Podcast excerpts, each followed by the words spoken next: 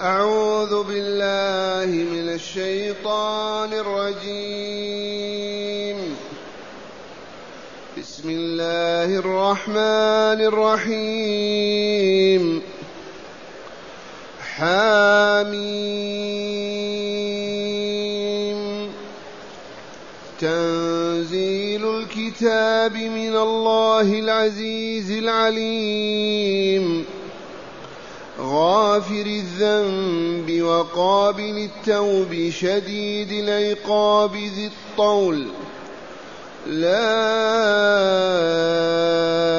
إله إلا هو.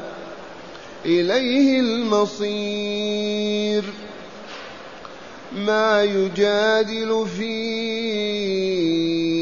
آيات الله إلا الذين كفروا. فلا يغررك تقلبهم في البلاد. كذبت قبلهم قوم نوح والأحزاب من بعدهم وهمت كل أمة برسولهم ليأخذوه. وجادلوا بالباطل ليدحضوا به الحق فأخذتهم فكيف كان عقاب؟ وكذلك حقت كلمة ربك على الذين كفروا على الذين كفروا أنهم أصحاب النار. معاشر المستمعين والمستمعات من المؤمنين والمؤمنات.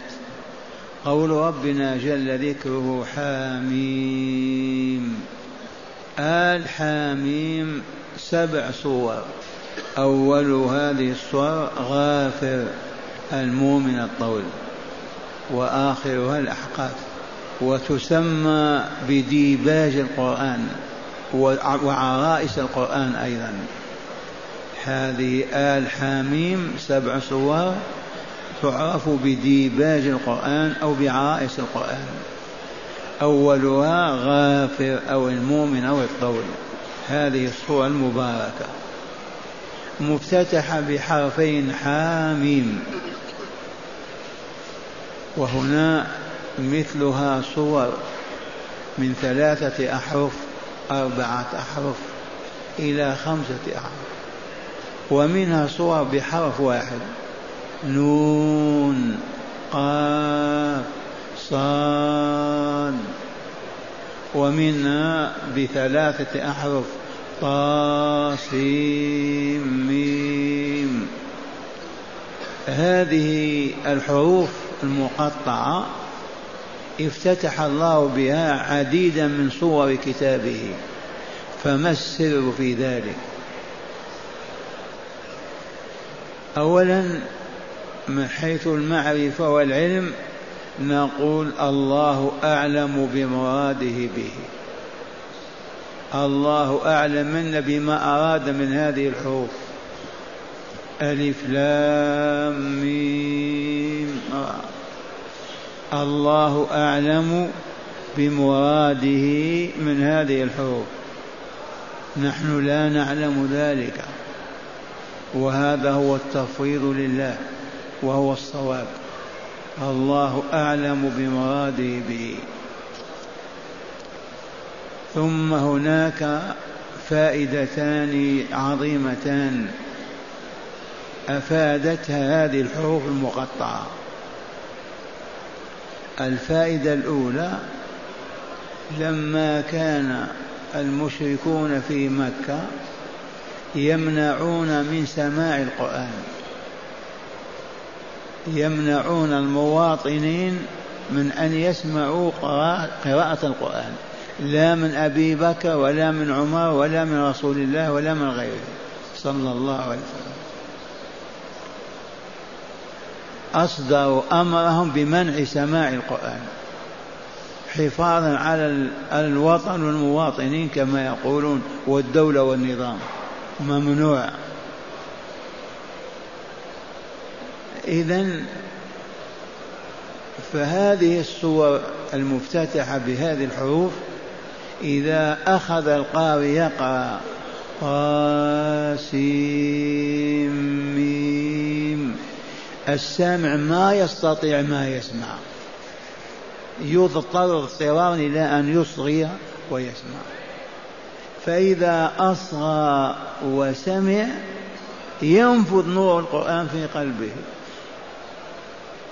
والدليل على هذه القضية ما جاء في قوله تعالى وقال الذين كفروا لا تسمعوا لهذا القرآن والغوا فيه لعلكم تغلبون.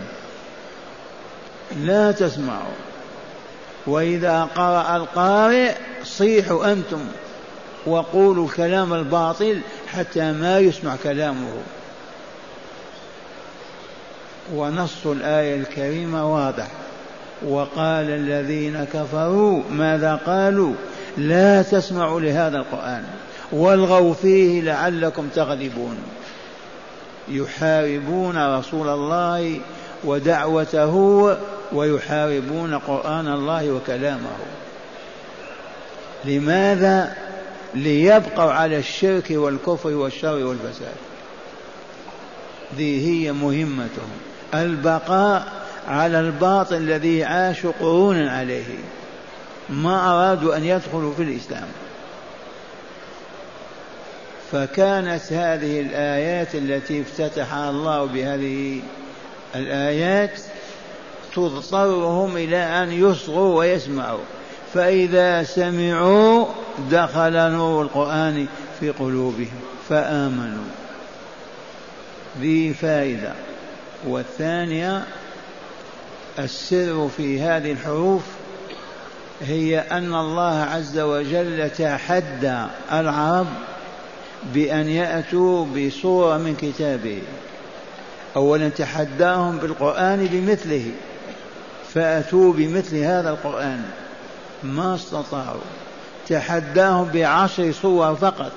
قل فأتوا بعشر صور من مثله. ما استطاعوا. وأخيرا تحداهم بصورة واحدة. وإن كنتم في ريب مما نزلنا على عبدنا فأتوا بصورة من مثله. وادعوا شهداءكم من دون الله إن كنتم صادقين. فإن لم تفعلوا ولن تفعلوا.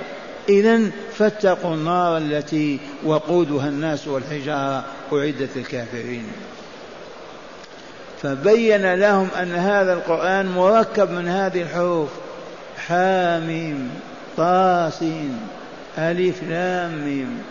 ألفوا أنتم نظيره. فعجزوا. إذا سلموا بأنه كلام الله. ما هو كلام غير الله. مركب من هذه الحروف وما استطعتم أن تأتوا بصورة فقط. فهاتان الفائدتان عظيمتان. نفع الله بهما وآمن بالقرآن من كانوا بالأمس يكفرون به ودخلوا في دين الله. هذا معنى هذا ما يقال في لفظ حاميم الله أعلم بمراده به. هل هناك فوائد؟ والله فائدتان ذكر أهل العلم عظيمتان. الأولى أنه مؤلف من هذه الحروف ألفوا إن كنتم قادرين على مثله. عجزتم قولوا كلام الله آمنا به. الذين لا يريدون أن يسمعوا ويلووا رؤوسهم إذا سمعوا طاسيم. ما سمع هذا النغم أبدا مضطر إلى أن يصغي ويسمع. ويدخل نور القرآن في قلبه. وقوله تعالى تنزيل الكتاب من الله العزيز العليم. القرآن تنزيل الله هو الذي نزله على رسوله. القرآن كلام الله وحي الله تنزيل الله عز وجل. ما هو بسحر ولا بشعر. ولا بكلام كهان ولا دجالين ولا ضلالين. كلام الله. تنزيل ممن؟ من الله العزيز العليم. العزيز الغالب الذي لا يغلب لا يمانع في شيء يريده ابدا. الذي يقهر الجبابرة ويحطم الطغاة ويدمرهم العليم بخلقه ظاهرا وباطنا بالماضي والمستقبل والحاضر عليم بكل شيء. هذا هو الله الذي تدعون إلى الإيمان به والدخول في دينه الذي هو الإسلام. حاميم تنزيل الكتاب من الله العزيز العليم. غافر الذنب وقابل التوب شديد العقاب للطول. هذه الصفات صفات الكمال توجد في مخلوق من مخلوقات. كيف تعبد الأصنام والآلهة الباطلة؟ ويترك الرحمن الرحيم. غافر الذنب قابل التوب شديد العقاب ذي الطول لا إله إلا هو إليه المصير. وبهذا آمن العرب ودخلوا في الإسلام. متأثرين بهذا الكلم الطيب بهذه الحجج والبراهين. قاوموا في أول الأمر لكن ما إن انتشر الإسلام حتى دخلوا في الإسلام. غافر الذنب أيما عبد يذنب ذنبا وهو معصية الله ورسوله ويقول أستغفر الله أستغفر الله أستغفر الله نادما عازما على أن لا يعود إلى ذلك الذنب إلا وغفر الله له. ما من عبد ذكرا كان أنثى يذنب ذنبا بأن يترك واجبا أو يفعل محرما معصية لله ورسوله ثم يستغفر الله في صدق أستغفر الله أستغفر الله وقلبه عازم على أن لا يعود إلى هذا الذنب أبدا وهو متندم متأسف عن فعل هذا الإثم إلا غفره الله له ومحاه عنه ولا يطالبه به. من يقدر على هذا سوى الله عز وجل؟ غافر الذنب قابل التوب. ما من عبد يتوب إلى الله ويرجع إليه إلا قبله ولو كفر خمسين سنة وأشرك ستين عاما. ثم تاب ورجع يقبله الله. هذه الصفات لا تكون إلا في الله عز وجل. غابل غافر الذنب قابل التوب. ثالثا شديد العقاب. إذا عاقب عقوبته صعبة. لا تطاق. لا يقدر عليها أحد. إذ يبيد ويدمر ويغرق البشرية ويخسف بها الأرض. أو يهلكها في لحظة واحدة ساعة واحدة. عقابه شديد. وذي الطول أي صاحب الطول الذي هو الإنعام والخير الكثير. صاحب الإنعام والإفضال والإحسان هو الله عز وجل. ذي الطول لا إله إلا هو. لا معبود يستحق أن يعبد في الكون إلا الله. لا إله أي لا معبود حق يستحق أن يعبد إلا الله. وكل من عبد غير الله عبد الباطل وأله الباطل. ولا يستحق العبادة إلا الله لأنه هو الذي خلق الإنسان ليعبده وخلق الحياة كلها من أجل أن يذكر فيها ويشكر. إليه المصير لا إلى غيره. العودة إلى من؟ إلى الله.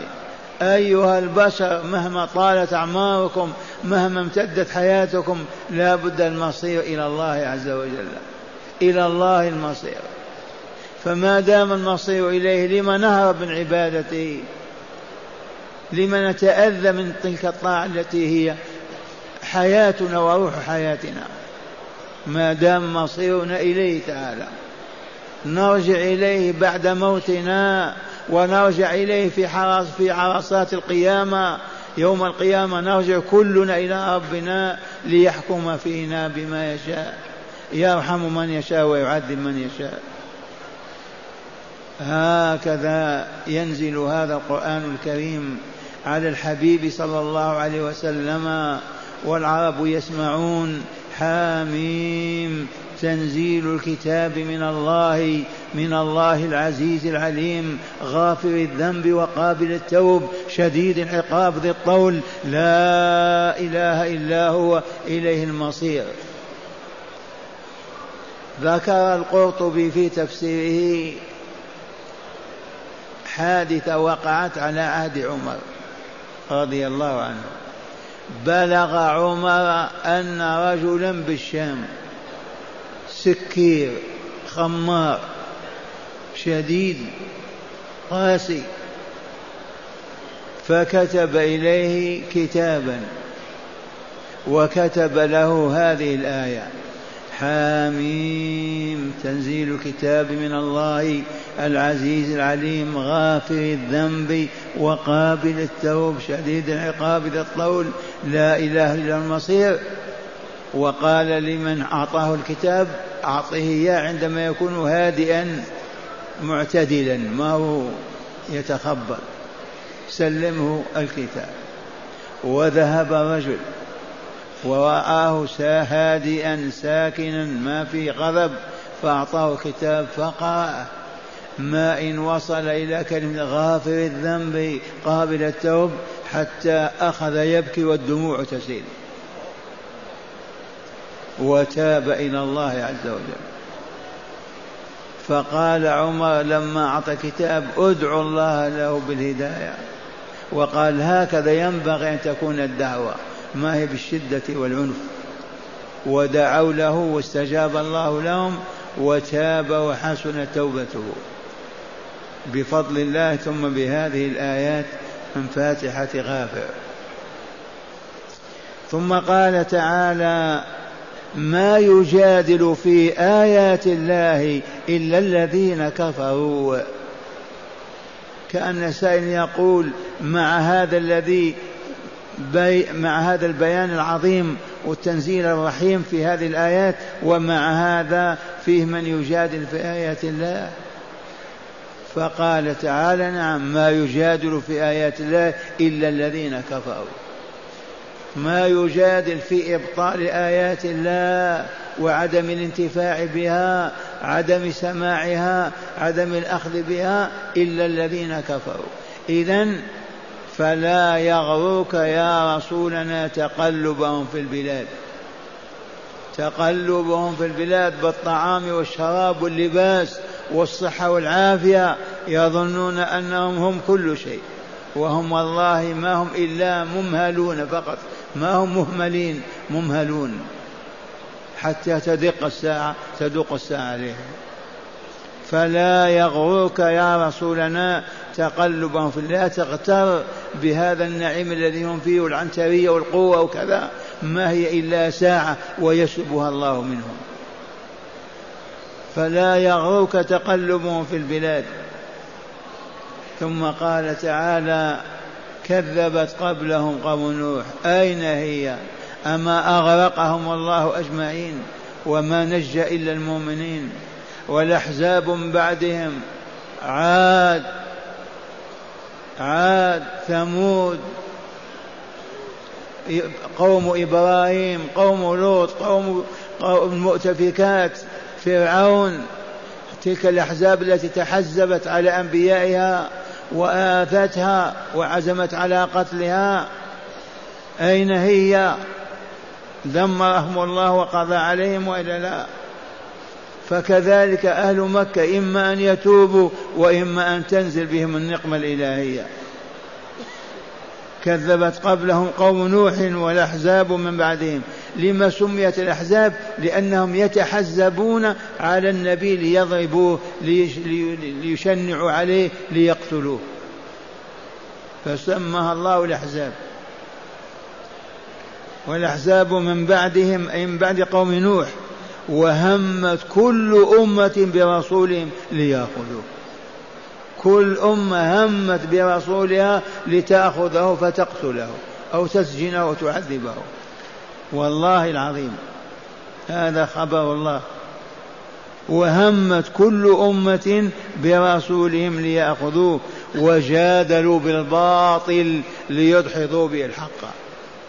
يجادلون بالباطل عندهم قرآن عندهم علم عندهم معرفة. والله لا علم ولا معرفة. جهل ضلال كفار ويجادلون ليثبتوا أنهم على حق وأن عبادة هذه الآلهة في صالحهم يتوسلون بها إلى ربهم. وهكذا يجادلون بالباطل لأنه لا حق عندهم.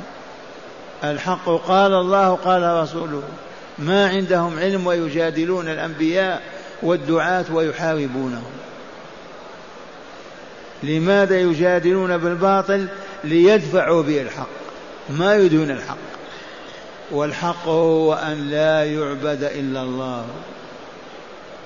الحق هو أن لا يعبد إلا الله.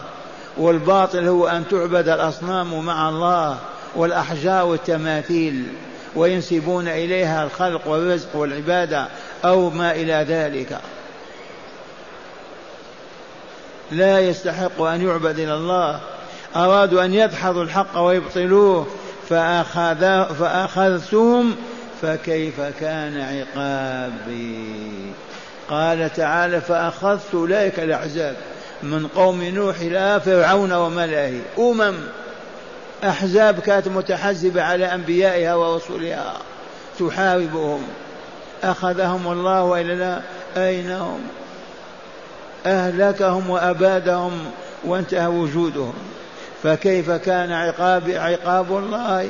كان على أحسن ما يكون.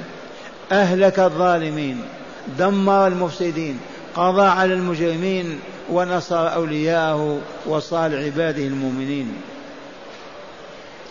هكذا يقول تعالى ليخفف عن رسول الله أتعابه وآلامه وما يعانيه من شدة قومه وطغيانهم. يقول له كذبت قبلهم قوم نوح. ما العرب أو المشركون في مكة أول من كذب؟ كذبت قبلهم قوم نوح والأحزاب من بعدهم وهمت كل أمة برسولها لتأخذه فتقتله. وجادلوا بالباطل كما يجادل هؤلاء المشركون في مكة. لماذا يجادلون بالباطل لإدحاض الحق وإبعاده وإبعاده عن أهله ليبقوا على الشرك والكفر والظلم والخبث والفساد؟ فأخذتهم من القائل؟ فأخذتهم الله. فأخذتهم فكيف كان عقاب؟ كان نهاية وجودهم وإلا لا؟ فرعون مئة ألف معه من الجيش أغرقهم في البحر. أمة نوح أم على البشرية على الأرض ليس إلا هما. أغرقهم الله في الأرض. لوط ما نجا إلا هو وامرأته وابنتيه وحولت تلك البلاد إلى بحيرة منتنة إلى الآن. قوم صالح أين هم؟ دمروا. وهكذا والله على كل شيء قدير. فاتق الله أيها المؤمن واذكر ما ذكر الله تسلم وتنجو. وهكذا يقول تعالى لرسوله ليحملوا على الصبر والثبات على الدعوة فيقول لو كذبت قبل قومك قوم نوح وكذب الأحزاب من بعدهم. وهمت كل أمة برسول ليأخذوه وجادلوا بالباطل ليدحوا بالحق فأخذتهم فكيف كان عقاب؟ كان كما أراد الله لم يبق منهم أحدا. والله ما نجا إلا المؤمنون. فالذين كانوا ما عاد نجوا نزحوا إلى مكة. والباقي دمروا عن آخرهم.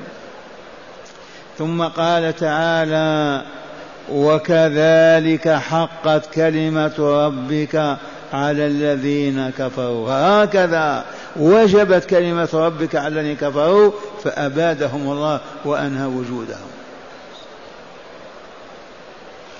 وكذلك حقت كلمة ربك على الذين كفروا لأنهم أصحاب النار. أنهم أصحاب النار. لماذا دمرهم الله؟ وأغرقهم وخسب بهم الأرض لأنهم أصحاب النار. ما هم أولياؤه أصحاب الجنة أصحاب جهنم. هكذا يقول تعالى وقول الحق وكذلك كما فعلنا مع الأمم السابقة حقت كلمة ربك على الذين كفروا دائما وأبدا لأنهم أصحاب النار أهل جهنم والعياذ بالله. كيف ينصرهم الله؟ كيف يبقي وجودهم وهم يحاربون أولياء؟ لا بد أن ينتقم منهم وهو عزيز ذو انتقام.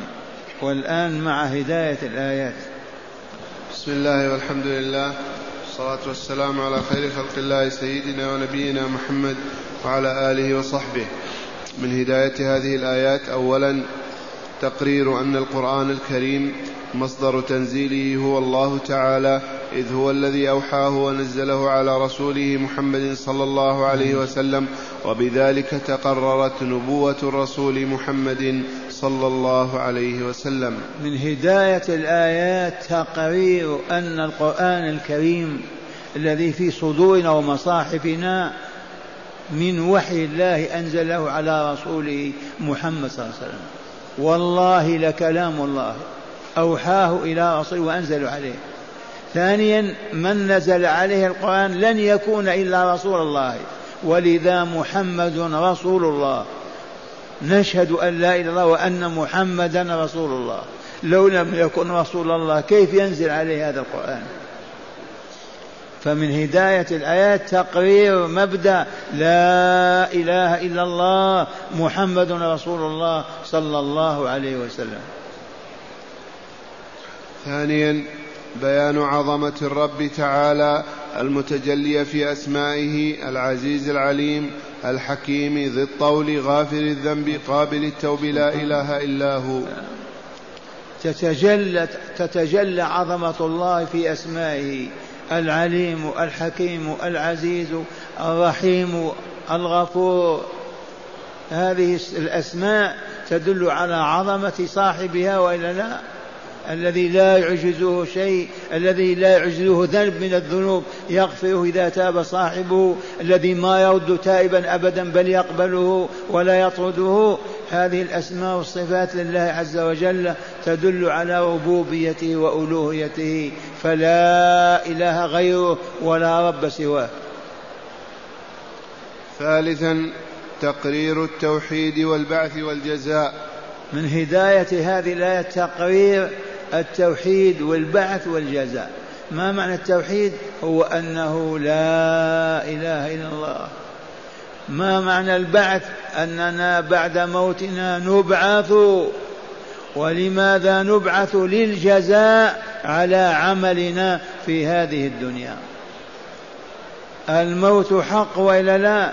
البعث والله حق كذلك لما الموت والبعث لما يميتنا ويحيينا لأجل أن يجزينا على عملنا في دنيانا هذه. فلهذا ما ننسى ابدا أن علة هذه الحياة العمل وعلة الحياة الثانية الجزاء.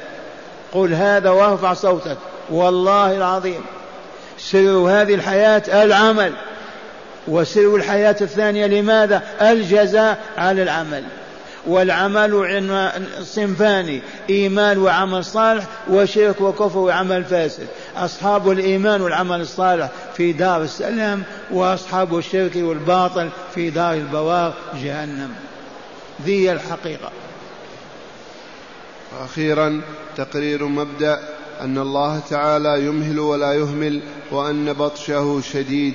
تقرير مبدأ أن الله تعالى يمهل ولا يهمل. يرى الأمة عصت فسقت فجرت تمردت ردت الدعوة ما استجابت يمهلها. علها تتوب علها ترجع علها فإذا أصرت أبادها. وسلبها غناها وسلط عليها فقرها والعياذ بالله. وهذه سنة الله قائمة دائما وأبدا. الله ما يمهل بل يمهل يمهل ولا يمهل. يمهلهم عام عامين عشرة قرنين ثلاثة أبوا يسلط عليهم ما شاء من العذاب.